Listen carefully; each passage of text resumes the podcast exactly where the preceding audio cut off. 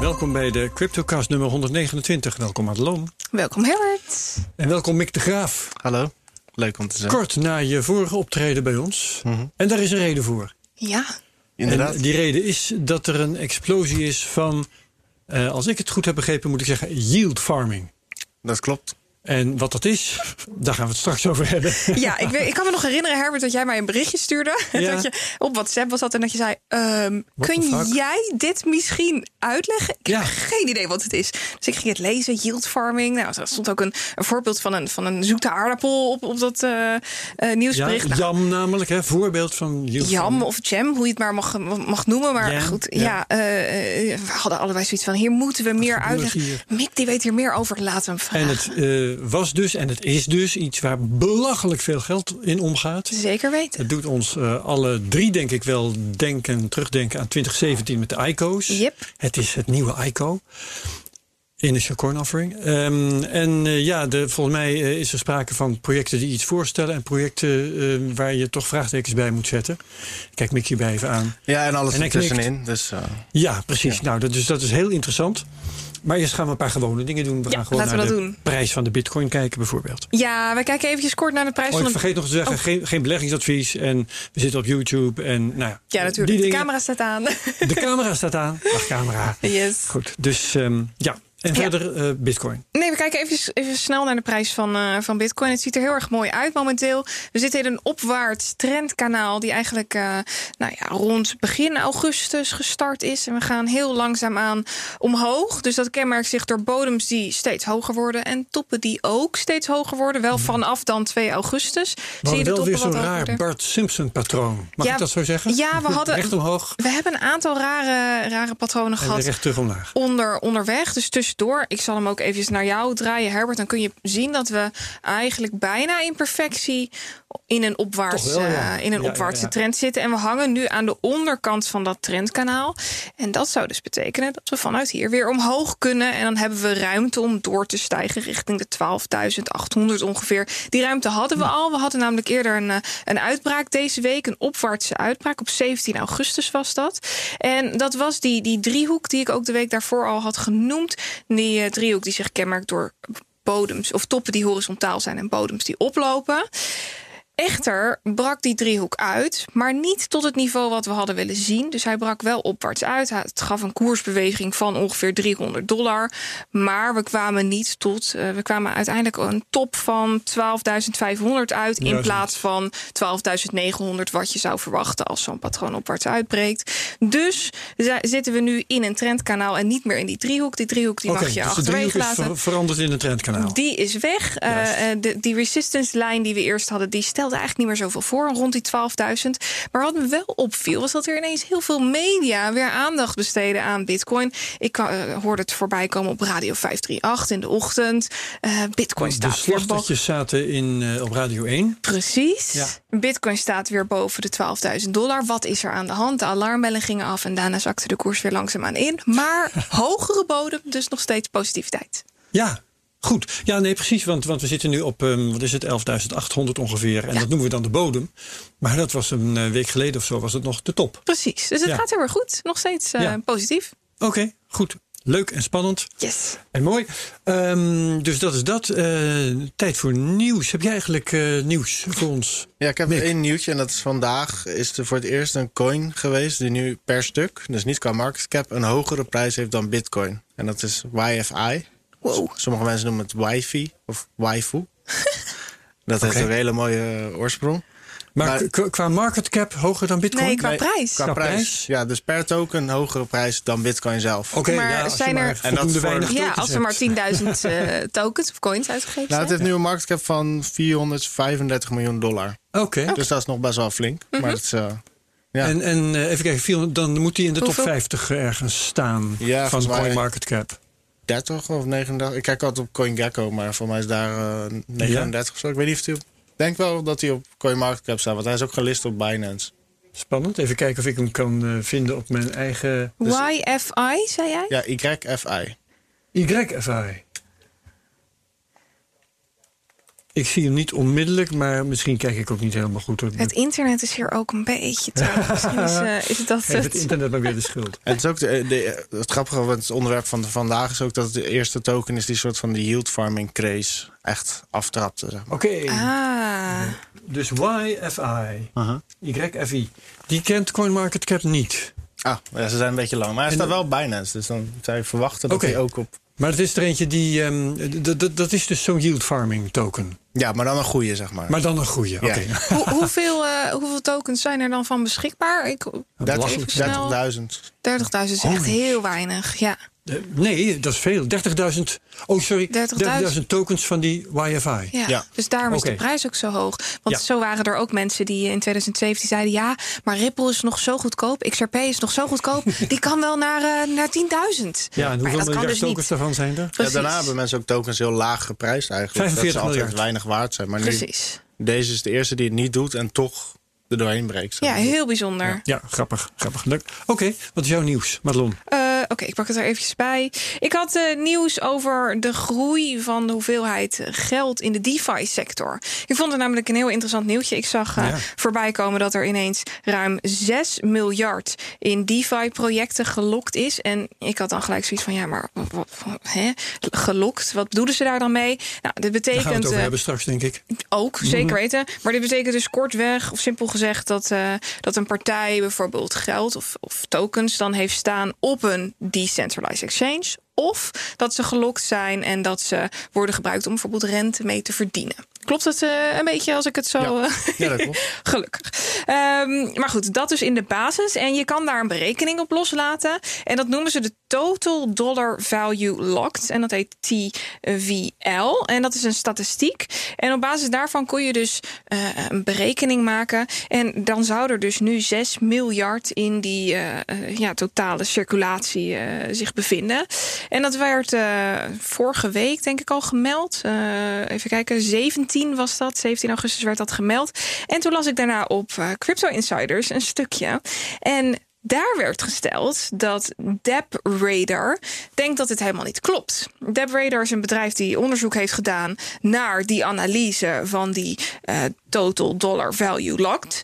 Dus na die statistieken. En zij zeggen, ja, het klopt wel dat er nu zoveel miljarden eh, eh, vaststaan. Maar dat heeft alles te maken met het feit dat die prijzen, dat die koersen van die eh, eh, DeFi tokens heel erg toegenomen zijn. Dus dat heeft niet te maken met dat er nieuw geld naartoe gekomen is, maar puur dat de prijzen van die munten omhoog gegaan Dus zijn. market cap en niet geïnvesteerd geld. Ja, precies. Eh, zij stellen hier uit de analyse, eh, eh, van, door het ge- bedrijf gepubliceerde analyse. eh, en het onderzoek is gebleken dat 75% toename eh, van de TVL het resultaat is van de stijgende cryptocurrency koersen.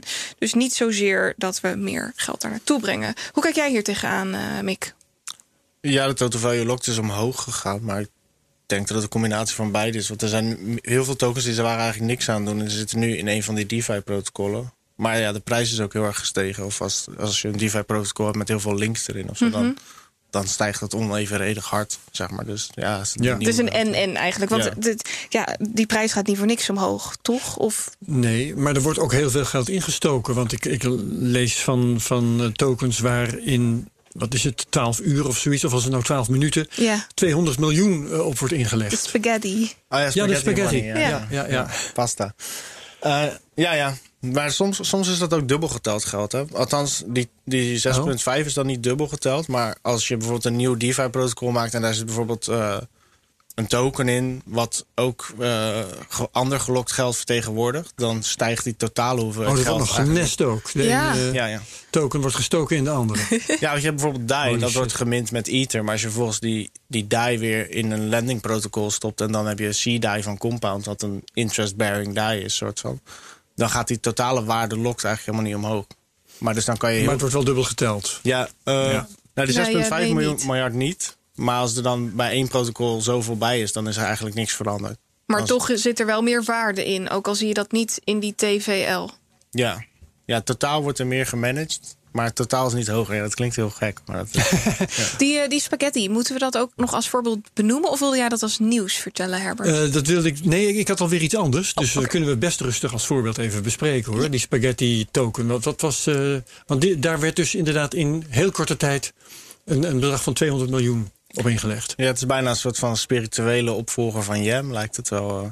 Maar dan met een iets ander model wel. Want dan Jam heeft je elastische supply, waar we later over wat gaan hebben. Mhm. Maar zij hebben dan elke keer als je die token verstuurt, dan wordt 1% van het bedrag wordt zeg maar geburnt. Dus daarom denken ze dan dat die waarde omhoog zou moeten gaan. Of zo. dus Dat als dan- veel mensen het ja, ja. gebruiken, ontstaat er geen inflatie, maar eh, deflatie. Ja, ja. Klopt dat wat ik zeg? Ja. Nee, Ja. er wordt er Bij, elk- ja, elke transactie. Dus je geld wordt meer waard. geldvoorraad. Precies, je geld wordt meer waard. Dus als mensen veel transacties doen, stijgt de waarde van dat netwerk.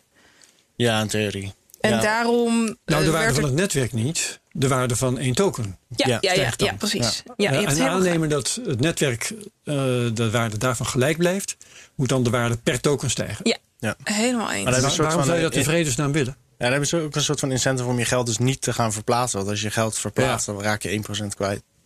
Maar waarom je dat zou willen, ja, het zijn mooie... eh, Omdat ze, noemen, ze, noemen- ze noemen het dan Ponzinomics. Dus als je er vroeg bij bent en weinig ermee doet, dan, eh, dan maak je meer mee van die Ja, het klinkt een beetje als een piramide-game. Want hoe langer jij je geld niet uitgeeft, hoe meer jij erop verdient als andere mensen wel hun geld uitgeven. Ja, Ja, maar je verdient het pas echt als je het inwisselt. Als je casht. Ja, maar dan ben je maar 1% kwijt. Dus als je bijvoorbeeld Ja, 10 maar- jaar lang wacht en 10 jaar lang zijn er andere mensen die telkens 1% van hun totale Ja. geld eh, eh, eh, f- ja, zien verdampen, dan wordt jouw waarde van je geld steeds meer waard. Dus het is eigenlijk een beetje een piramideachtige constructie. Of zie ik dat verkeerd? ja piramide, ja, Dat- achtig zou je het kunnen Dat noemen. woord neem ik niet gauw in de mond. Misschien Pumponomics ge- gebouwd om een prijs omhoog te gaan, zoiets. Pumponomics. ja, en ik hoorde ook nog een Nakamoto-scheme. Dat las ik ergens. Ja, ik heb het ook horen vallen, maar ik heb het niet echt opgezocht wat het nou eh, precies moest zijn. Nee, dat, eh, dat is mij ook niet helemaal duidelijk geworden. Maar ik, ik zal even mijn nieuws vertellen. Dan gaan we dit echt eh, van de bodem af aan bespreken. Ehm, ik kwam tegen de eerste, eerste multisig bitcoin transactie in de ruimte. Ja, ik dacht eens dat het de eerste bitcoin-transactie in de ruimte was, maar dat was ook weer niet helemaal waar. Ehm, het blijkt dat het bedrijf Space Chain een subsidie heeft gehad van 60.000 euro, als ik het goed heb gezien, van de Europese ruimtevaart. Ja, ik vind eigenlijk heel weinig voor Ja, een ruimtevaartproject. Ja, eh, die hebben hardware laten afleveren in het ruimtestation, ISS Ja. bestaande uit een computer met daarop geïnstalleerd een wallet. Zij hebben ook nog hardware op de grond staan en ze hebben ook nog in satellieten hebben ze eh, blockchain-vaardige apparatuur zitten. En ze hebben dus een transactie, en dat was een bitcoin-transactie van, ik geloof, een honderdste bitcoin. Die hebben ze door drie eh, entiteiten tegelijk laten tekenen. Eh, Eén in de satelliet, één in het ru- ruimtestation en eentje op de grond. En zo is die transactie gedaan met een fee van, als ik het goed heb onthouden, ehm, de helft van een tienduizendste bitcoin, dus 50 cent ongeveer. En dat is dan de eerste multisig transactie in de ruimte. Ook weer omdat het kan. Ja, Maar ook omdat Space Chain ambieert om eh, het Bitcoin-netwerk uit te breiden tot in de ruimte. Wat Blockstream trouwens ook doet. Hè. We hebben Erik Laan hier een keer gehad in de Cryptocast. Die vertelde over de activiteiten van Blockstream. Ehm, maar in ieder geval. maar ik eh, snap even niet waarom je dat in de ruimte zou willen. Bitcoin kan je in principe ook op Mars versturen. ja, Toch? Nou ja, goed. Zolang er hardware aanwezig is. Hè, zolang daar nodes eh, zijn. Of in elk geval wallets. Iets met internetverbinding. Ja, precies. Nou ja, een Space Station heeft internetverbinding. Wat ik jammer vind aan het verhaal. Dat is dat ze geen eh, verslag hebben gedaan of bijvoorbeeld foto's hebben gepubliceerd Ja, van dat astronauten die de spullen hebben uitgepakt en geïnstalleerd en misschien een ledger in een USB-poort hebben gestoken en zo. Dat Ja, het was wel heel leuk als ze een unboxing of zo hadden gedaan. Dat was, had Zoiets. viraal kunnen gaan. Ja, ja, ja, ja. Of in elk geval dat iemand grijnzend hebben eh, bij de entertoets van Uh. nu onderteken ik die transactie, zoiets. Dat is er niet. Er is alleen bekendgemaakt via een persbericht dat het gebeurd is. Maar eh, ja, nee, het, het heeft wat mij betreft een hoog omdat het kan gehalte. Ehm, maar het verhaal is dus wel dat eh, door eh, het Bitcoin-netwerk uit te breiden naar de ruimte, dat je minder afhankelijk bent van verbindingen op de grond. En ik vind dat een beetje discutabel, omdat het probleem op de grond nou niet echt zit in verbinding of iets dergelijks. Er zijn er genoeg van. Dat uh, Bitcoin slash blockchain netwerk, dat blijft heus wel functioneren. Dus de noodzaak daarvan zie ik niet helemaal. Maar ik vind het wel leuk. En ik ga dit ook nog een keer vertellen, denk ik, in de Space Cowboys podcast. Want dan komt het ook thuis. Jazeker. Is gewoon een leuk verhaal. Ja. Ik zet het in de show notes, zodat iedereen kan dat verhaal dat ik vond op Cointelegraph met links naar Space Chain en links naar zelfs een afschrift van de betreffende uh, transactie, die kan hij zelf uh, tot zich nemen. Dus dat. Goed. En nou was er dus die, uh, dat nieuws. Het begon met het verhaal over Jam, of zeg jij Jam, Mick? Of Jam. Toch Jam? Wat, dat, dat moet het volgens mij niet zijn, want het is een Y. Wat was het, een jam of een jam? Jam. Zoiets. Nou, eigenlijk. Ja. Maakt ook eigenlijk helemaal niet uit. YAM. Ik weet nog dat we het de vorige keer vroegen hoe je de DeFi, DeFi nou uitsprak. En dat we comments hadden gehad op YouTube van mensen die zeiden... Nou, wat een domme vraag. maar goed, als dyslect weet je gewoon niet goed hoe je dingen moet uitspreken. En blijkbaar heeft Herbert ook nog een beetje Ja. moeite mee. Ja. We kunnen maar beter gewoon vragen. Dat, Er zijn dat mensen het- die zeggen wifi en ik hoor bij de mensen die zeggen wifi. Wi-Fi, Ja, precies. En dat heb je met DeFi, DeFi. ICO, ICO. eh, Ja, ICO. ja, precies. Goed. ICO, ICO. Dat is dus zo'n liedje van Dr. John the Night Tripper. Zegt dat hier iemand iets? Nee, Of, eh, nou, voor, voor mijn tijd. Oké, ja, ongetwijfeld. Ehm, dus, Jam, Jam, Mick, eh, wat is het? En Jam is een project, dat is dan begonnen door de oprichters van Topo Finance ook. Dat zijn volgens mij de, de Elmore broers. Zo heet ze van hun achternaam. En het is in feite een soort van eh, currency met een elastische supply. Wat betekent dat eh één token zou 1 dollar waard moeten zijn. En als dat niet zo is, dan krijg je meer of minder tokens. Dan Dus dat is het stablecoin idee. Dat is in elk geval iets wat te kennen. Ja, maar als je één token hebt en dan de volgende dag heb je er tien, dan is het niet echt stabiel. Oh, even. Zo gaat het. Ja, op die manier Dus gaat je het. hebt wel waardetoename, maar opeens heb je meer tokens. Kun je er een je voorbeeld van één geven? token had. Nou, stel je voor je hebt één token en die is dan een dollar waard, maar de volgende dag is het 10 dollar waard. En dan heb je een soort van het rebase event. Dan ga je, heb je opeens 10 tokens. Dus Ah. zeg maar per unit of account zijn ze dan altijd 1 dollar. Althans, dat is de, de target. Maar eigenlijk is het niet heel stabiel, want je, gaat, je bezit nog steeds een gelijk deel van de totale supply. Dus als de marktcap omhoog of omlaag gaat, is het. Oké. Dus en- dat is alsof je eh, de eh, prijzen.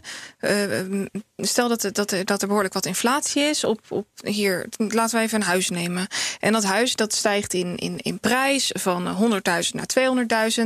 Dan neem jouw euro's dus ook toe. Waar je eerst 100.000 euro's had, heb je dan 200.000 euro. Ja, maar je hebt nog steeds één huis. Nog steeds één huis. Oké, heel, heel helder. Goed. Dus elastische supply heeft niks te maken met het feit dat ze die prijs weer terugbrengen naar een strak niveau. Het heeft te maken met het feit dat je meer coins krijgt omdat die prijs toeneemt. Ja, maar die prijs van per coin gaat dan wel weer naar die 1 dollar toe. de, de prijs per coins blijft, blijft gelijk en daarom krijg je meer coins. In geval van waardetoename van het netwerk. Ja. En als het omlaag gaat, gebeurt het omgekeerd. Precies. Eh, de vraag is dan, waarom zou je dat doen? Omdat het kan. Omdat het kan. En eh, er zijn mensen die denken dat het heel nuttig is. Je hebt ook zo'n ander project waar het oorspronkelijk vandaan komt. Dat is, heet Ampleford. En eh, ja, die naam ben ik tegengekomen. die hebben dat eigenlijk bedacht. Maar ik kan niet echt mijn vinger opleggen op waarom je dat nou... Oké. Want in wat voor situaties zou, zou dat dan handig zijn? Ja, dat, daar moet Mick het Ja. antwoord op schuldig blijven. Ja, je hebt wel natuurlijk een handige unit of account. Als je, als je bitcoin hebt en de prijs gaat omhoog... dan stuur ik je vandaag eh, 0,5, de volgende dag 0,7... omdat het dan omlaag is gegaan. Maar dan kan je altijd één token sturen. Dat is op zich best handig. Ah, zo. Ja. Oké. Net als dat je in je wallet kan zeggen stuur eh 1 dollar in bitcoin. Ja. Maar dan stuurt het een andere hoeveelheid. Maar dan doet de token dat zelf uit. Maar dit eh jam-verschijnsel, eh, daar was meer aan de hand. Ehm, want het was iets, ook weer, ook weer zo'n ding waar een astronomisch bedrag op was ingelegd in korte tijd. Ik geloof eh, 200, 400, 600 miljoen 400 miljoen was dollar. het inderdaad. Laten we het hebben over 400 miljoen. Binnen één dag na lancering, hè? Ja. ja, zoiets. En het, het idee was dat die tokens begonnen op waarde 0, dan toch. En eh, daarna zouden ze in waarde stijgen. Maar jij kunt dat waarschijnlijk beter uitleggen dan ik. Ja, het leuke wat ze wel bij Jam hebben gedaan... ze hebben eigenlijk een paar verschillende onderdelen van verschillende projecten gepakt. Dus ze hebben dan Ampleford, dat is dan de elastische token. Vervolgens hebben ze voor de governance layer, de DAO, zeg maar... hebben ze de compound eh, code gepakt. En voor Wat de houdt dat in, die compound code? Eh, Compound is een ander project eigenlijk. En Ook ze weer hebben zo dan een, een DAO. die dan alles bestuurt, zeg maar. En daar hebben zij de code van gepakt. En dan hebben ze de Ampleford code gepakt. En hebben ze die YAM-token gebruikt als governance token. Dus dat is eigenlijk je stemmen in de organisatie. En dan vervolgens hebben ze weer de Synthetics liquidity mining contracten gebruikt om die token uit te geven. En dan liquidity mining is eigenlijk dat je ergens geld instopt. En in beloning daarvoor krijg jij een andere token terug. In dit geval YAM. Maar vaak is dat met een reden. Wat je hebt bijvoorbeeld ook, eh, wij doen dat binnenkort met liquiditeitspools. Dus dan heb je getokenized liquiditeitspools. Dus dat betekent dat er meer liquiditeit op de markt is. Wordt het makkelijker voor mensen om producten te kopen. Maar bij hun was het heel simpel. Het waren eigenlijk gewoon verschillende tokens zoals Link, eh, Maker, Ether en nog een paar. En als je die vastzette, dan kreeg jij eigenlijk gratis die YAM toegestuurd.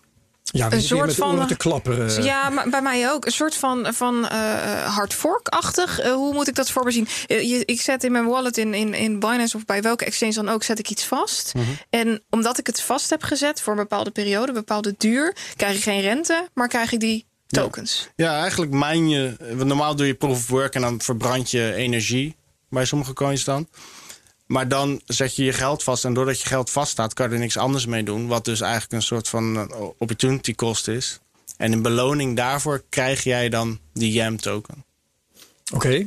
Maar wat is dan, wat, wat is dan die, die waarde van die, van die YAM-to- YAM-token? Ik, ik, Waar ontleent hij zijn waarde aan? precies, want waarom zou het zo, zo belangrijk zijn om dan je coins vast te zetten daarvoor? Ja, het heeft dus iets gekost om die coins te maken. En die coins zijn enigszins schaars.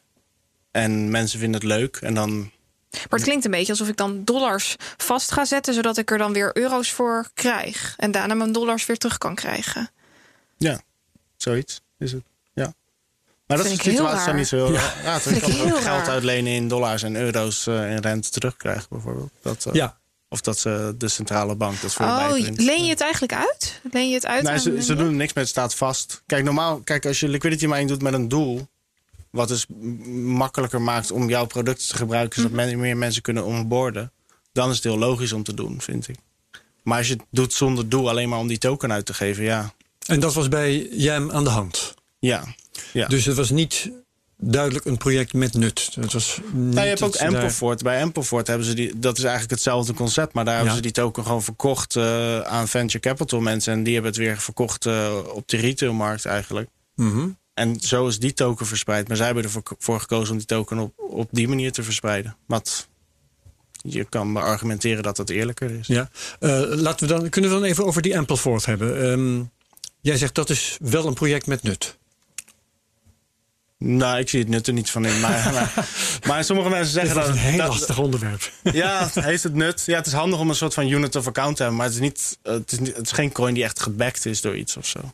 Dus, Ook niet door de ingelegde, want er is, er is geld op ingelegd. Of is dat in dat geval niet, niet het geval? Ja, je kan het geld niet, je kan niet je, je Ampleford tokens verbranden om dan vervolgens dat ingelegde geld eruit te halen. Dat, eh, dat kan weer niet. Wauw. Eh, eh, ja.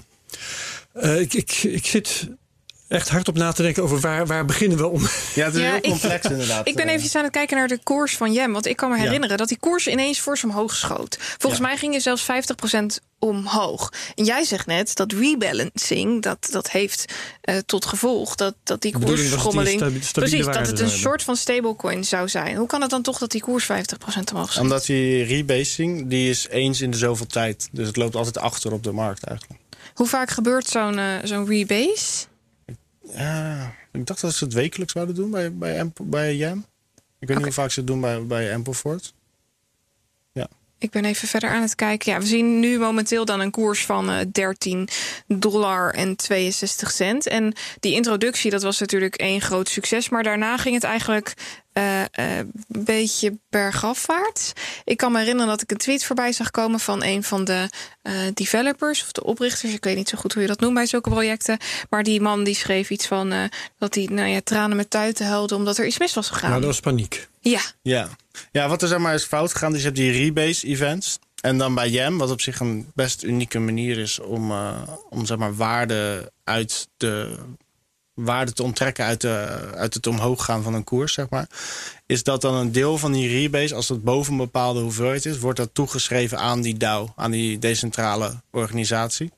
Alleen was het probleem dat eh, die rebase, die zat ernaast met een factor van 1 miljard miljard. Dus Wat? eh, ja, zeg maar, normaal in Ethereum werk je met hele grote getallen omdat je geen decimalen hebt. Net zoals bij Bitcoin is een Satoshi de kleinste eh, unit. En Ja, bij ja, ja. Ethereum zijn het tokens zijn het er meestal 18. Maar dan moet je het dus vermenigvuldigen met iets en daarna weer delen door die hoeveelheid om Mhm. een beetje betrouwbaar te kunnen berekenen. Maar ze waren dat delen vergeten. dus dan was er heel veel extra Oh, tokens nee. waren er opeens. En die werden dan toegeschreven aan die DAO. Maar om eh, controle te hebben over die DAO moeten mensen stemmen. En dan heb je een minimale hoeveelheid mensen die moet meedoen in een stemming. Maar als die organisatie zelf zoveel tokens heeft, kom je nooit meer aan die minimale hoeveelheid. Dus er waren door, door die, eh, die fout, die rekenfout, waren er dusdanig veel tokens gecreëerd die eigenlijk naar die DAO zouden gaan, die Decentralized Anonymous Organization. Daar heb je net uitgelegd, dat was het tweede onderdeel van die drie onderdelen, eh, eh, wat het zo bijzonder maakte. Ehm, en daarvoor had je dus een bepaalde hoeveelheid stemgerechtigden nodig met een bepaalde hoeveelheid tokens. Ja, ja zeg maar, die DAO zelf stemt niet. Die kan niet stemmen. Mhm.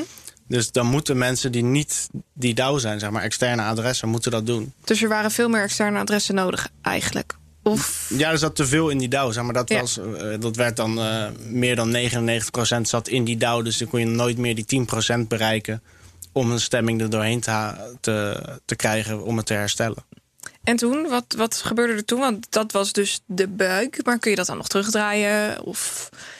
Nee, dat valt niet terug te draaien. Nee, dat is. eh, Nou ja, er, er is wel een, eh, een, een actie ontketend. Het kwam er geloof ik op neer dat eh, mensen extra geld moesten bijleggen om Jam te redden. ja, en ze- dat leek eerst niet te gaan lukken en later is het toch weer wel gelukt. Ja. Dus er is op een of andere manier iets rechtgebreid. Ja, zeg maar, het probleem wat zij hebben gedaan is dat zij geen. eh, bij in smart contract ontwikkeling noemen we dat audits. Voor mij ken je dat ook van uit accounting en Ja. dergelijke. Ja, dus gewoon eh, kijken of de zaak deugt. Ja. Ja, inderdaad. En dan kijken mensen eigenlijk naar je code om te kijken of het deugt. Ja. En je maakt ook een soort van automatische testen die eh, allemaal testscenario's afwerken. Waarin ze dit hadden moeten vangen. Want als je zo'n rebase test en vervolgens worden er zoveel tokens bijgeprint, dan weet je dat er iets mis is. Maar dat hebben ze niet gedaan. Wat een beetje roekeloos is eigenlijk. Ja. En eh, eh, dus nu hebben ze geld opgehaald om die audits te doen. En dan gaan ze eigenlijk, eh, nu is het Jam V1 is, is eigenlijk dood. Er is, ge- is geen controle meer over, maar mensen hebben nog steeds die balances. En dan staan ze nu toe dat jij eigenlijk je tokens migreert naar Jam V2. Dat is voor mij vandaag al aan het gebeuren. En dan gaan ze met dat geld wat ze hebben opgehaald, gaan ze weer het systeem auditen.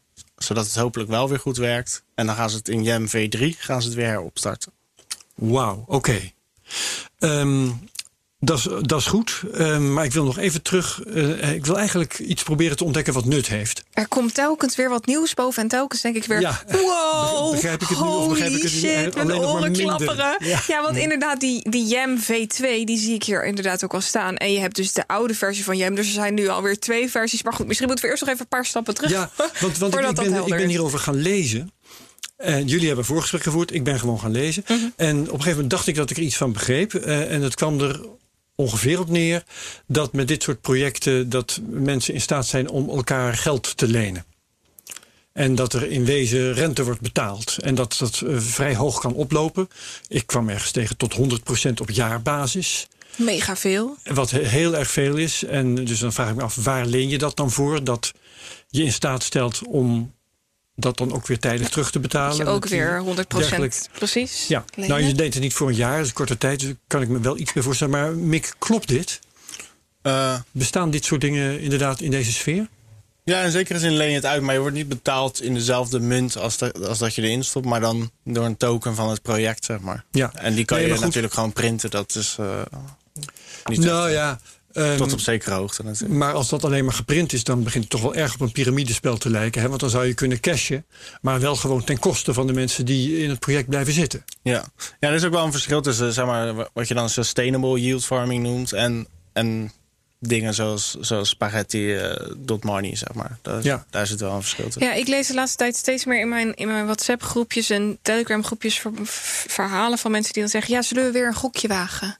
Ja. Is dat eigenlijk wat er, wat er hier gaande is, wat er hier gebeurt? Het ligt eraan welk project je je geld stopt. Kijk, als je in, in, in bijvoorbeeld Compound heeft ook dat soort yield farming programma's. Waarbij als je geld eh, uitleent of leent, dat je wordt beloond. Omdat je soort van die markten meer liquide maakt.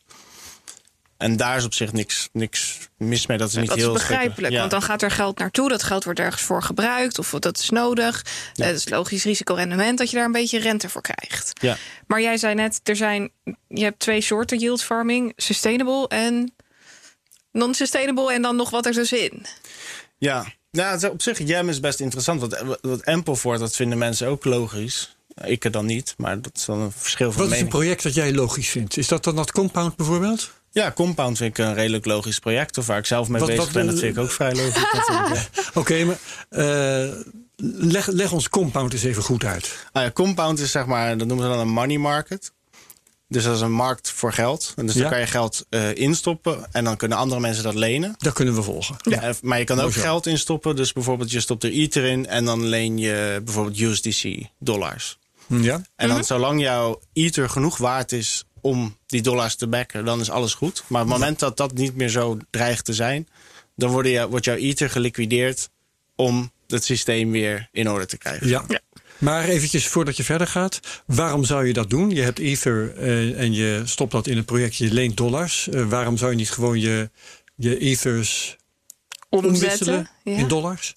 Ja, stel je voor, ik heb heel veel Ether en ik wil een auto kopen, maar ik heb geen euro's. Ja. Dan kan ik bijvoorbeeld. En ik wil nog steeds blootgesteld blijven aan de prijs van Ether. Je wilt die koersstijging, hoop je dan in ieder geval, Ja. die wil je volgen. Dus dan stop ik mijn kan. Ether erin en dan leen ik dan eh, dollars in dit geval. Ja. Die verkoop ik dan ergens voor euro's. Of ik koop direct met die dollars een auto.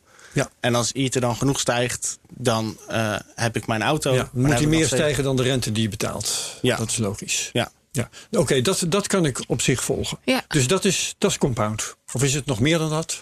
Eh, dat is compound. Maar je kan het ook doen Mhm. als, je, als je dollars leent en dan verkoop je die dollars weer voor Ether. En dan heb je eigenlijk dubbele blootstelling aan, aan Ether. Dus dan kan je leverage Oh ja. traden op een Oh ja. decentrale manier. Oh ja, oh ja, ja, ja. Dan, dan, maar dan neemt je risico natuurlijk ook toe. Ja.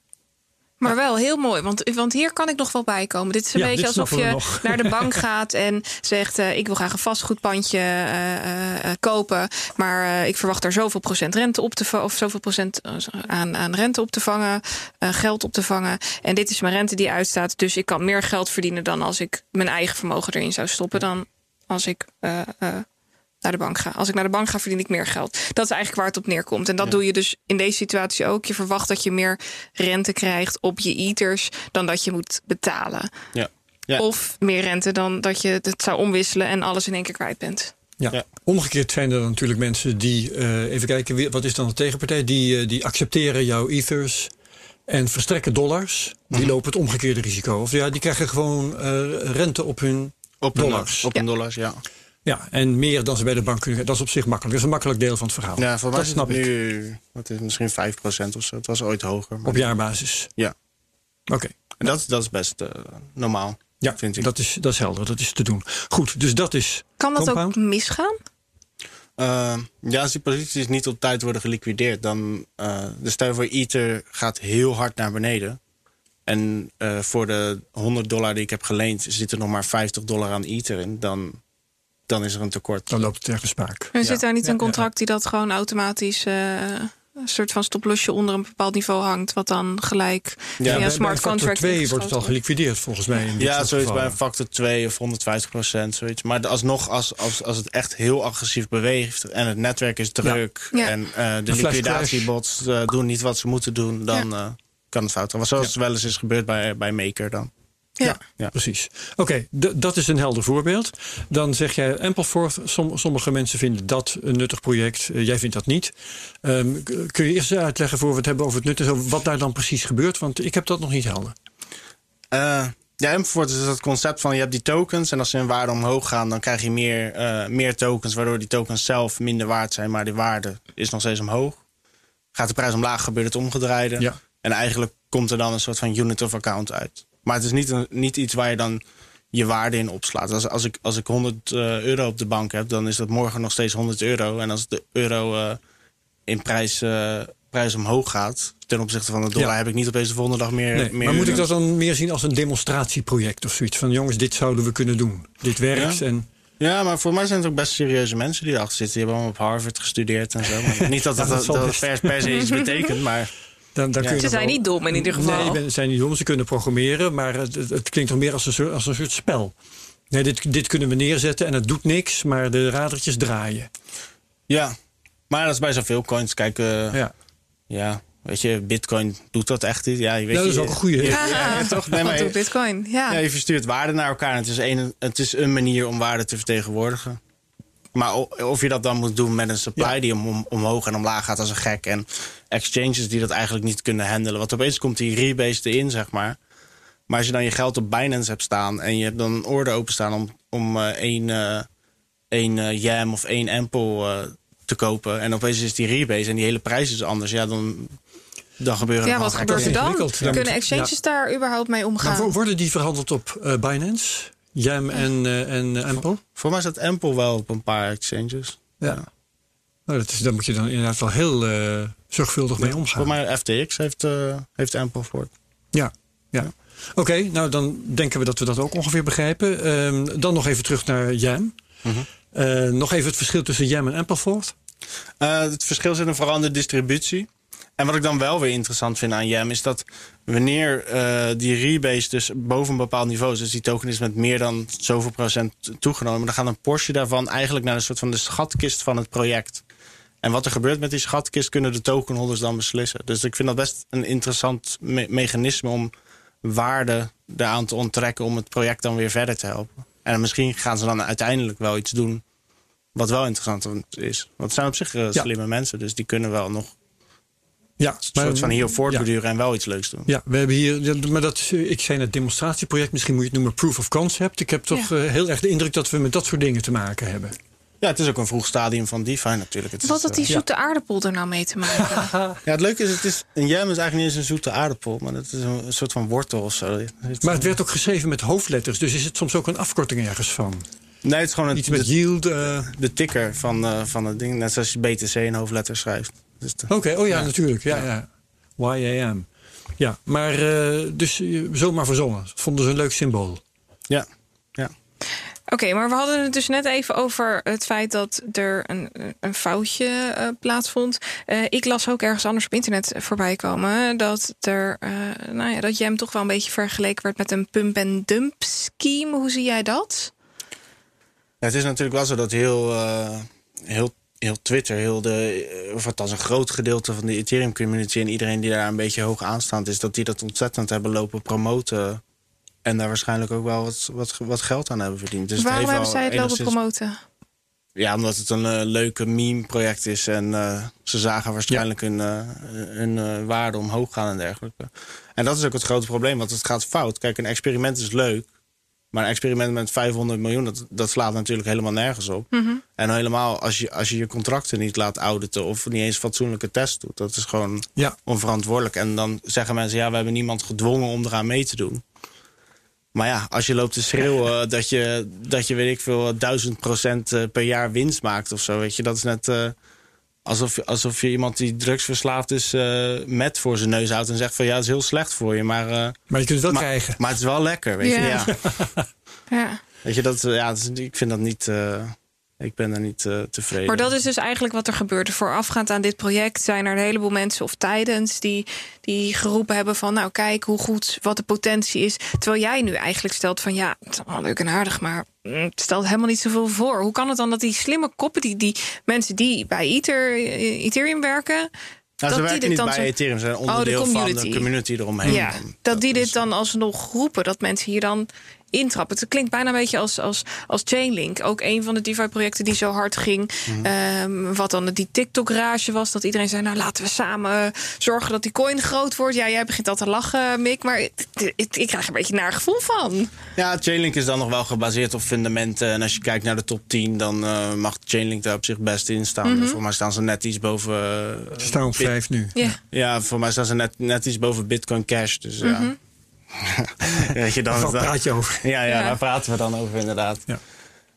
Maar ja, ja het is een soort van die meme magic is dat. Hè? Als je maar met z'n allen hard genoeg erin gelooft, dan gaat Ja. iets omhoog. En je weet ook En maar dat is ook voor bitcoin zo. Hoeveel tweets zie ik wel, wel niet van mensen die zeggen van... eh, ja, er zijn maar 21 miljoen bitcoin. Dus eh, zoveel mensen op de wereld kunnen maar één bitcoin Je hebben. bent gek als je je geld er niet in steekt. Ja, Ja. Het is Ja, eh, in wezen ja. hetzelfde sociale proces. En Madelon, ehm, We weten ook niet precies wie wat geroepen heeft. Wij tenminste Nee, niet over, over Jam. Er zijn mensen die hebben geroepen van... hé, hey, hier, hier eh, stijgt iets in waarde, laten we erop afstromen. Maar het hoeven niet de mensen te zijn geweest die het in stand hebben gebracht. Die, die het hebben Ja, zij, zij hebben gewaarschuwd. Maar eh, kijk, het is natuurlijk leuk als je in, als je in één dag 500 miljoen gelokt hebt. Weet je, wij zaten op. eh wij waren nog geen 1% van dat. En nu zijn we. Misschien hebben we een miljoen onder mensen. Dus we zijn een beetje gedaald. Maar ik snap wel dat je dan. Ja, dat wil je van de daken schreeuwen Een soort van high bent op je succes. Maar eigenlijk moet je Ja. zeggen van jongens, we, we zijn, wij zijn, het, het loopt uit de klauwen. Laten we gewoon een beetje op de rem trappen. En, eh, Ja, want dat is ook wat, wat er wordt gesteld door verschillende analisten die gekeken hebben naar dit project. Die zeggen: het is eigenlijk veel te vroeg van start gegaan. Dit had eigenlijk niet gemogen. Er zijn zulke fouten begaan.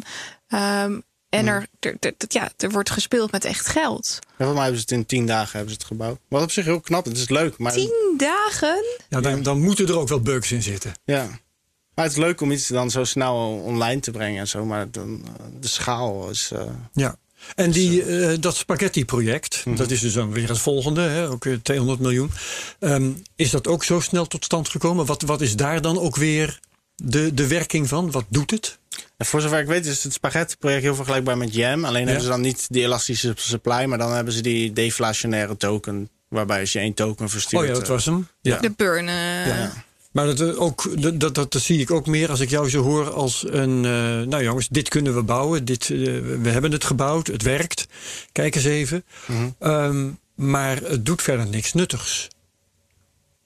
ja. Ja, dan is de vraag, wat, wat is nut, weet je? Is, Ja, oké, is- dan is- ga je weer met Nou ja, bitcoin bijvoorbeeld- vergelijken. Nee, maar je- bijvoorbeeld Dogecoin. Ja, Dogecoin is, eh, ik vind het tof. Ja, je kan, het Ja. is goedkoop, je kan de waarde mee sturen. het, het werkt. Ja. Ja. maar als je bijvoorbeeld kijkt naar Ja. Bitcoin, toen, toen Bitcoin eh, het whitepaper verscheen, zat er wel echt een fundamentele gedachte achter. Het weghalen van die derde partij, Mhm. eh, eh, het- het- de openbaarheid van transacties. Er zat veel meer achter dan puur alleen, ja, het is leuk, we gaan gewoon nieuw betaalmiddel. blablabla. Mhm. Eh, die, die projecten waren er natuurlijk wel geweest. Ehm, dit is dan weer zo'n project van, nou ja, dat is leuk. Kan hier dan in de toekomst iets uit voortvloeien waarvan je denkt, nou, dit zouden we er concreet mee kunnen? Of is dit puur een hype en is dit net als met de ICO-markt even leuk en is het strakjes weg? Ik denk dat de mensen achter Jam, als die community enthousiast blijft dat, en mensen raken betrokken daarbij, dat er nog wel iets leuks uit kan komen. Ja. Heb je een concreet... Ik denk ook wel, mag ik wat over zeggen. Ja? Ehm, als ik deze dingen met elkaar vergelijk. Hè, je hebt, eh, we hebben nou een project besproken eh, waarbij mensen elkaar wat kunnen lenen. Mhm. We hebben een project besproken eh, waarbij de supply toeneemt met de waarde van het project. Hè, zodat de, de tokens dezelfde waarde blijven hebben. We hebben een project besproken waarbij de tokens worden verbrand. 1% bij elke transactie. Ja. Het zijn allemaal dingen ja, die je kunt testen. Waarvan je kunt kijken, hey, bevalt dit? Ja, tuurlijk. Werkt dit leuk? Eh, vinden mensen dit belangrijk enzovoort? Ja. Dus zo krijg je een hele hoop verschillende dingen die in circulatie zijn, die gewoon bestaan out there. En waarbij een soort natuurlijke selectie kan optreden van wat werkt goed, Ja. wat bevalt mensen, wat, en, en wie weet wat voor toepassingen er nog gevonden worden. Hè, want allerlei dingen die met Bitcoin nu worden gedaan, de exchanges en weet ik veel wat, die waren ook niet bedacht door Satoshi Nakamoto. Die zijn later ontstaan. Tuurlijk. Ja, er is ook wel een verschil in professionaliteit. Bijvoorbeeld Compound, dat is een heel professioneel team met de Mhm. hoogste standaarden voor security. En eh, die nemen alles wel serieus natuurlijk. En dat, dat draait nu ook al een paar jaar gewoon stabiel. Dus dat is. Ja.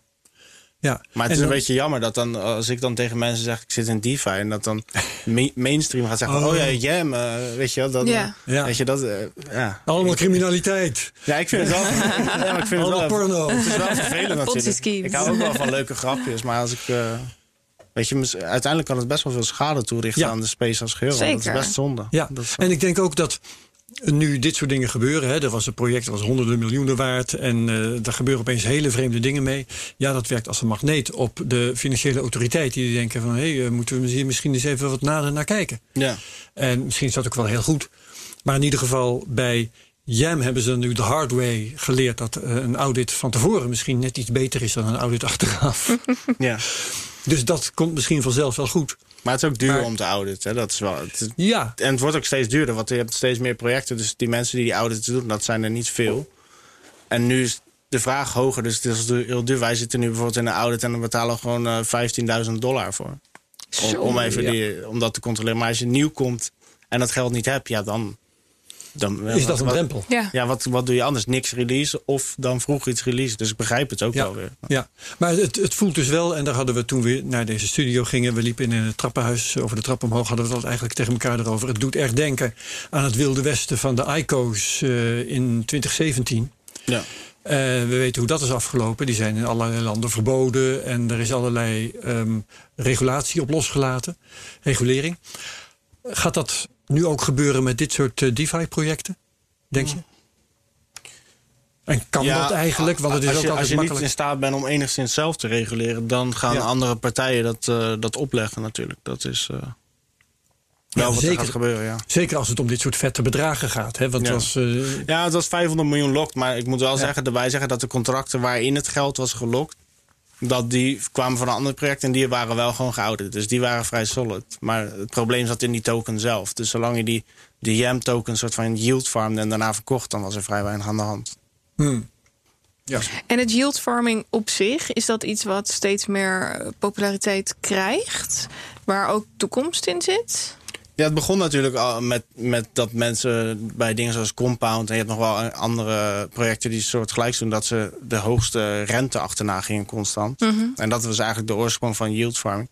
Maar nu heb je dus die projecten die tokens printen. En dat, eh, ja, dat stelt je eigenlijk in staat om, om explosief te kunnen groeien. Zeg maar. Waar normale start-ups eh, heel veel venture capital geld ophalen... dan kan je dan in plaats daarvan kan je tokens geven aan je gebruikers om die groei te forceren. Maar dat kan je niet oneindig blijven doen. Maar als je dat een jaar of vier, vijf weet te doen... en dan uiteindelijk die gebruikers wel weet te binden... dan is dat op zich... eh, Ja, en, je, en zich geeft ze gedeeld eigenaarschap in het project zelf. Dus dat is- ja, Ja. ik vind dat interessant. Want je krijgt ook gelijk stemrecht, als ik het goed begrijp. Ja. In dus eh, binnen die bepaalde token. Ja. Met die token. Maar wat er tegenover staat, en la- laat ik dat maar eens gewoon voorspellen. Ehm, als ik jou zo hoor over de projecten die we dan vandaag eh, hier eh, besproken hebben, dan is het allemaal, nou in elk geval zitten er geen kwade bedoelingen achter. En is het ene gaat goed en draait al een hele tijd en niks aan de hand. En het andere, daar is een fout gemaakt en het is rechtgebreid. En, en, en, en. Ehm, maar het is een kwestie van tijd voor hier iemand opduikt die echt malafide is. En een dergelijk. Hè, wat we dus ook bij de ICO's hebben gezien. Ja. Oh, kun je in 12 minuten of 12 Useless uur, Ethereum eh, token. een paar honderd miljoen ophalen. Dat wil ik ook wel. De, de useless is here. Precies. nou was dat, dat was nog een grap. Ja, Weet je wel, dat was nog tot daar aan toe. Mm, Iemand die echt waarschuwde van eh, ik ga er met je geld voor door, dus geef mij geen geld. Deden mensen Toch toch? kreeg hij twee ton. weten. Ja, En bij jij hebben ze ook wel gewaarschuwd. Hoor. Ze zeiden van deze token heeft nul waarde, dit is een grap. Maar ja. daarom, daarom zeg ik ook, eh, tot nu toe eh, lijken de mensen die het gebouwd hebben in elk geval niet malafide. Maar het is een kwestie van tijd voor iemand dit soort dingen gaat doen Ja. die wel malafide is en er gewoon met die paar honderd miljoen van doorgaat. Denk je ook niet? Hmm, ja, maar je kan kijken naar de contracten waar je je geld in opsluit. En dan vervolgens kan je die contracten heel makkelijk vergelijken met waar het vanaf zou moeten stammen. En dan zie je precies, oh ja, deze regelcode is anders. Dus je ziet heel maar dat is voor jou heel simpel. Maar voor een gemiddelde eh, eh, crypto-enthousiast. Ja, dat, dan als je zeg maar één, eh, één iemand hebt in het grote... Als er 100 miljoen in zit, dan is er vast wel iemand die enigszins kennis van zaken heeft... en dan ernaar kijkt en dan aan de, aan de, aan de bel trekt. Als er, als er echt iets malefides gebeurt. Ja, Tenzij ik- het dusdanig goed is verstopt, maar dan kan je niet Ja. bestaande dingen kopiëren en weet je, dat kan je niet in drie regels code verstoppen zonder dat iemand ziet wat dat er een soort van backdoor in zit. Nee, goed. Maar, maar zodra de cowboys doorkrijgen dat als je DeFi noemt, eh, Mhm. dat er dan mensen op afkomen. En eh, oké, die code die moet je dan een beetje verstoppen. Verstoppen. Daar moet je wat spaghetti in stoppen, zal ik maar even zeggen. en eh, dan voor de tijd dat iemand in de gaten krijgt dat die code niet deugt. En misschien alles overboekt naar een eh, rekening eh, op de Bahamas of iets dergelijks. eh, ben ik al lang met die poeter vandoor. Ja. ja, dat zou kunnen. Maar je, je kan altijd alles gebruiken voor oplichting en dergelijke. Dat- Dat is ook zo. Ja, zeker ja, ja. Ja. Ja, maar goed, de, de- ja.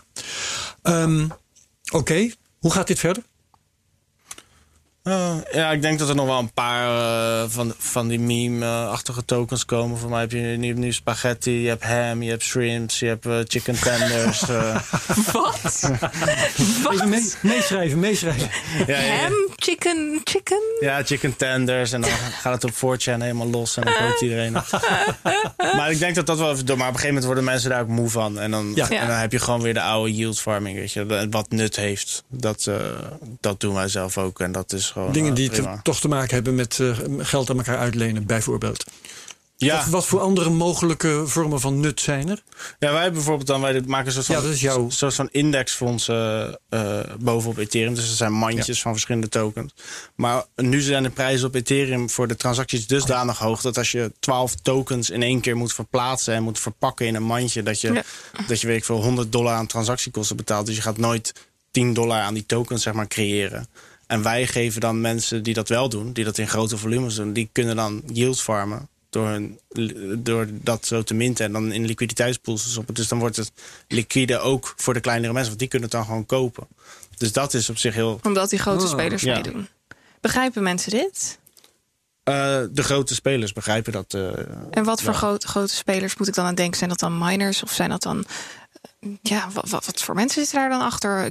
Het zullen geen institutionele beleggers nee, zijn. Nee, nee, nee. het zijn geen institutionele. Misschien early gewoon, adopters. Gewoon mensen die vroeg uh, bitcoin hebben gekocht, vroeg Ether Vermogende personen. Ja, die spelen gewoon met, met een half miljoen of zo doen ze dit soort dingen. Of meer. Wauw. Ja. En die zijn bereid om dit soort risico's te nemen. En die begrijpen die risico's ook vo volledig. Dus ja. Dan, dan is het prima. En bij ons zijn de risico's... Ja. Nou, Pas op wat je zegt. Ik ga niet zeggen dat, dat de risico's... Maar wij doen er zoveel mogelijk aan om die risico's te beperken. Zeg maar. dat, uh, ik vind wel dat dat uh, ja. eigenlijk een vereiste zou moeten Maar nog even herkauwen wat jij net zei. Aan, uh, aan de ene kant zei je de fees op Ethereum-transacties en een aantal andere zijn intussen zo hoog. Heeft te maken met de hoge koers. Hè? of, um, hoog gebruik. Ja. Hoog gebruik, ja. ja wachtrijen bij, bij de miners en dergelijke. Dat kleine spelers in feite buiten de deur worden gehouden. Maar daarna zei je in de tweede helft van die zin... Mm -hmm. dat er toch weer manieren zijn om die kleine spelers toch weer toe te laten. Ja, zeg maar, het creëren van dat mandje is heel duur. Ja. Maar het uiteindelijk versturen van dat mandje is net als het versturen van elke andere token. Dus als omdat, je dan, je, omdat je er één token van gemaakt hebt. Ja, omdat het één, Ja. één, één geheel wordt. En als je dan mensen geld geeft om, om in grote hoeveelheden die tokens te minten en dan aan te bieden uh, voor de normale mensen tegen misschien een kleine premium of geen premium, omdat ze van ons dat uh, gesubsidieerd krijgen, dan. Maar sta je dan door die manoeuvre toch weer bloot aan hele grote risico's, of juist niet? Mm, ja, uh, wij, wij doen audits en zo, dus dan zijn de risico's klein. Maar er zijn nog Ja. steeds. Als jij. Als jij uh, Geen grotere risico's dan je toch al hebt op de cryptocoinmarkt. ja, ja. Dat Ja, is je stuurt- el- elke laag waar je je geld instopt is natuurlijk een extra laag van risico. Dus het is de vraag hoe goed die lagen zijn waar je het instopt. Ja, dat kun je zeggen, maar je kunt ook lagen maken die juist eh, risico's verminderen. Bijvoorbeeld het maken van een mandje, om maar een dwarsstaat te noemen. Ja, ja zo'n mandje doet niet veel. Maar als je dat mandje weer vervolgens Nou. Nou ja, ergens... wel, het zorgt wel voor spreiding. voor Ja, ja. precies, Ja, maar het doet niet zoveel qua complexiteit. Dus, maar als je bijvoorbeeld dat mandje vervolgens weer op compound zet... Ja, dan heb je het risico van het mandje en, En compound. compound. Ja. Dus dan krijg je de risico's vermenigvuldigen. moly. Ja. En als je dan die compound token weer eh, in Uniswap stopt... Weet je, dan kan het bij ons mandje fout gaan. Dan kan het eh, bij compound, Compound fout, fout gaan. en bij. Uniswap fout gaan. En vervolgens dat de Uniswap eh, liquidity pool token weer ergens instopt... Weet je, dan ga je weer nog meer... Het is een soort tokenwasmachine, weet je wel. Je, je stopt er een hele hoop eh, In en dan hoop je dat het allemaal goed uit. en heel er weer uitkomt. en er komt een soort eh, gehakt half om half. Ja, het is natuurlijk zo sterk als de zwakste schakel. Dus Ja. zo min mogelijk schakels en de schakels zo sterk, sterk mogelijk proberen te maken. En, dan, eh, Ja, en, het, en, en waarschuwen voor het risico. En zorgen dat, eh, dat ook al gaat het helemaal los op Twitter... ook al ben je helemaal high van je succes met eh 500 miljoen eh, lokt. Dat je nog steeds... eh, maar de, begrijp ik nou goed? eh, nee, laat ik het zo zeggen. Is dit nou voor mensen die zeggen... De, het kopen van een bepaalde cryptocoin is mij te riskant? Of is het voor mensen die zeggen... het kopen van een bepaalde cryptocoin levert mij niet genoeg op... en ik wil juist meer risico? Het yield farming zelf... Je hebt minder risico als je dus niet aan het yield farmen bent. Ja. Want je stopt het ergens in. Wat weer een laagje van risico is. Ja. Maar eigenlijk bij Jem is het dus fout gegaan omdat er gewoon te veel dingen samenkwamen met elkaar. Op dat rebalancing is het fout gegaan, maar je had nog die andere twee. Oh, maar die, die, die twee lagen waren goed. Want die Ja. hebben ze gewoon direct overgenomen van De projecten. code die- deugde gewoon niet. Eh, van het re rebalancen. Ja. Ja. Vergeten te delen door een miljard miljard. Dus, eh, dan, eh, Ja, ik vind het wel Klinkt heel echt als een hele klungelige fout hoor. Ja, ja, ja, ja. Het, het is net zo'n soort verhaal als eh, die, eh, de zonde naar Mars die Mars miste omdat er een punt in de code vergeten was. Dat- Ja, maar ja, ik maak dat soort fouten ook. Maar, maar Ja. ik, ik vang ze op. Want Ja. weet je, doet dusdanig veel testen dat je denkt van... oh, hey, daar gaat het fout. Weet je. Maar, maar ik maak ze achter elkaar, dat soort fouten. Dat is niet... Ja, eh, de kunst is inderdaad om, ze, eh, om mechanismes in te bouwen dat je ze op tijd ontdekt. ja. Ja, je zegt ik vang ze op. Hoe doe je dat? ja, door dan automatisch te testen. Dus eigenlijk Hm. stimuleer je dan wat er zou moeten gebeuren in een productiescenario. Ja. En, als dat, en dan kijk je, oh, dit, dit is de input, dit is de verwachte output. We voeren het uit. Klopt dat? Nee? Oké, dan is er iets mis. Dat ja. is, Maar dat, dat kost tijd en dus geld. ja, dat is, En dan eh, krijg je een project niet in tien dagen af, zodat het, zoals dat met Jan wel gebeurde. Nee, dat, dat proces is eh, misschien wel 80% van de tijd of zo. Dus Ja. dat, eh, Dus dan wordt het eh, maal acht of het is ook geen leuk proces. Testen is no maar het hoort er wel bij. Ja. Ja, Goed, eh, hoe ziet de toekomst er nu uit voor, voor yield farming? Ehm, ja, we gaan nog veel van die meme-projecten zien. We gaan eh, nog wel een aantal jaren door. Het wordt moeilijk om te concurreren als eh DeFi-project als je geen yield farming doet. Want als je tokens bijprint en je kan een extra return van 10% beloven... dan eh, gaan mensen daar naartoe in plaats van dat ze bij jou eh, jouw product gebruiken. ja. Dus mensen ik denk mensen dat kicken mis- op beloftes en eh, niet zozeer Ja, op geld. Kwaliteit. ja, maar ze kunnen die token ook gewoon, gewoon dumpen. Dat maakt er niet, niet zoveel uit. Ja. Maar, maar ik denk dat daardoor de concurrentie heel, eh, heel anders gaat worden. Ja. En er moet dus nog een nut gevonden worden. Nou, dat is wel een nut van DeFi. Het zijn eigenlijk een soort van financiële middelen die voor iedereen toegankelijk zijn. En, eh, Ja, ja, tuurlijk. Maar voor het yield farming in zijn algemeenheid. ehm, ja, bijvoorbeeld bij, bij, bij Compound of je hebt nog zo'n ander project Curve en nog een paar, daar heeft het ook wel nut. Ja. Want doordat je mensen beloont, wordt het ook makkelijker te gebruiken. Een soort van kip-ei verhaal. En weet je, dan, eh, als, je, als je geen kip hebt en geen ei, dan eh, koop je een ei en dan op een gegeven moment heb je een kip. weet je wel. Dat- maar dan moet je wel het geld ergens vandaan halen Ja. om, dat, om dat ei te kopen, zeg maar. Ja. Ehm, het fenomeen ehm, eh, regulering, dat, dat fascineert mij toch nog wel. Bij de ICO's eh, hebben uiteindelijk de autoriteiten eh, ingegrepen. En eh, dat hele oh ja, ingegrepen. Ze hebben Ja, volgens mij echt ja. gekeken naar. proces van hoe- ICO's verboden in veel landen. Ja, en, en hoe kunnen we tokens en coins indelen? In wat voor mandje vallen ze? Ja. Zijn het assets of zijn het utilities of whatever? En dan kon je toch nog een beetje de regelgeving ontzuilen. Maar als ik dit zo hoor, vraag ik me af of toezichthouders überhaupt begrijpen wat er hier gaande Nou, is. begrijpen is één ding, eh, maar ook waar ligt het aangrijpingspunt gesteld dat ze zouden In willen welk mandje ingrijpen? passen ze? Ja. Ehm, enig idee, want, want eh, in het geval van ICO's, ja, dan, eh, er is toch wel een bedrijf dat die ICO's op de markt brengt, bijvoorbeeld. Daar kun je naartoe. Eh, dat, is, dat is dan het aangrijpingspunt. Het is een ding in de werkelijke wereld. DeFi is Decentralized Finance. Ja. Dus ehm, dat is minder grijpbaar, maar volgens mij is alles grijpbaar. Waar, waar ligt het aangrijpingspunt in dit geval? Het ligt eraan hoe decentralized je die DeFi-product daadwerkelijk is. Ja, wel- bij Bitcoin, Bitcoin is ook gedecentraliseerd. Hè? Eh, in China hebben ze de exchanges aangepakt, bijvoorbeeld. Ja. In, eh, in Nederland, nou ja, als je Bitcoin bezitter bent, dan moet je gewoon belasting betalen. Je moet het gewoon opgeven. Er zijn, er zijn manieren. De, de crypto-bedrijven zijn aangepakt via anti-witwaswetgeving. Dus ja, hoe zit dat bij dit soort projecten? Ik denk bij de connectie met de echte wereld. Of althans de, de Ja, fysieke... maar wat is dan die connectie? Waar, waar, waar Ik ligt denk dat? in, geval- in geval van DeFi, weet je, als je decentrale exchanges, hebt... en dan...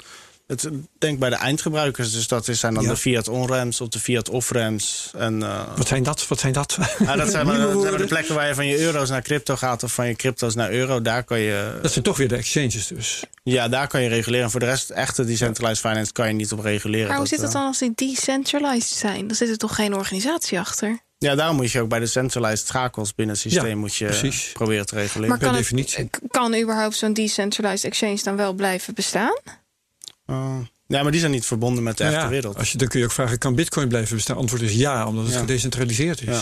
Maar je kan natuurlijk wel. Ja, maar je kan wel de gebruiker pakken natuurlijk. En bij een exchange, Ja, ja. oh ja, De decentralized exchange kan je nog en, zeggen. En de, dus de, wat er gecentraliseerd is, dat Ja. kun je aanpakken. Ja. Dat Ja. is, Ja, Ja, bijvoorbeeld precies. de user interface. Als je dat gewoon host op eh, een normale domeinnaam, dan, eh, dan kan je daar oh aanpakken. ja.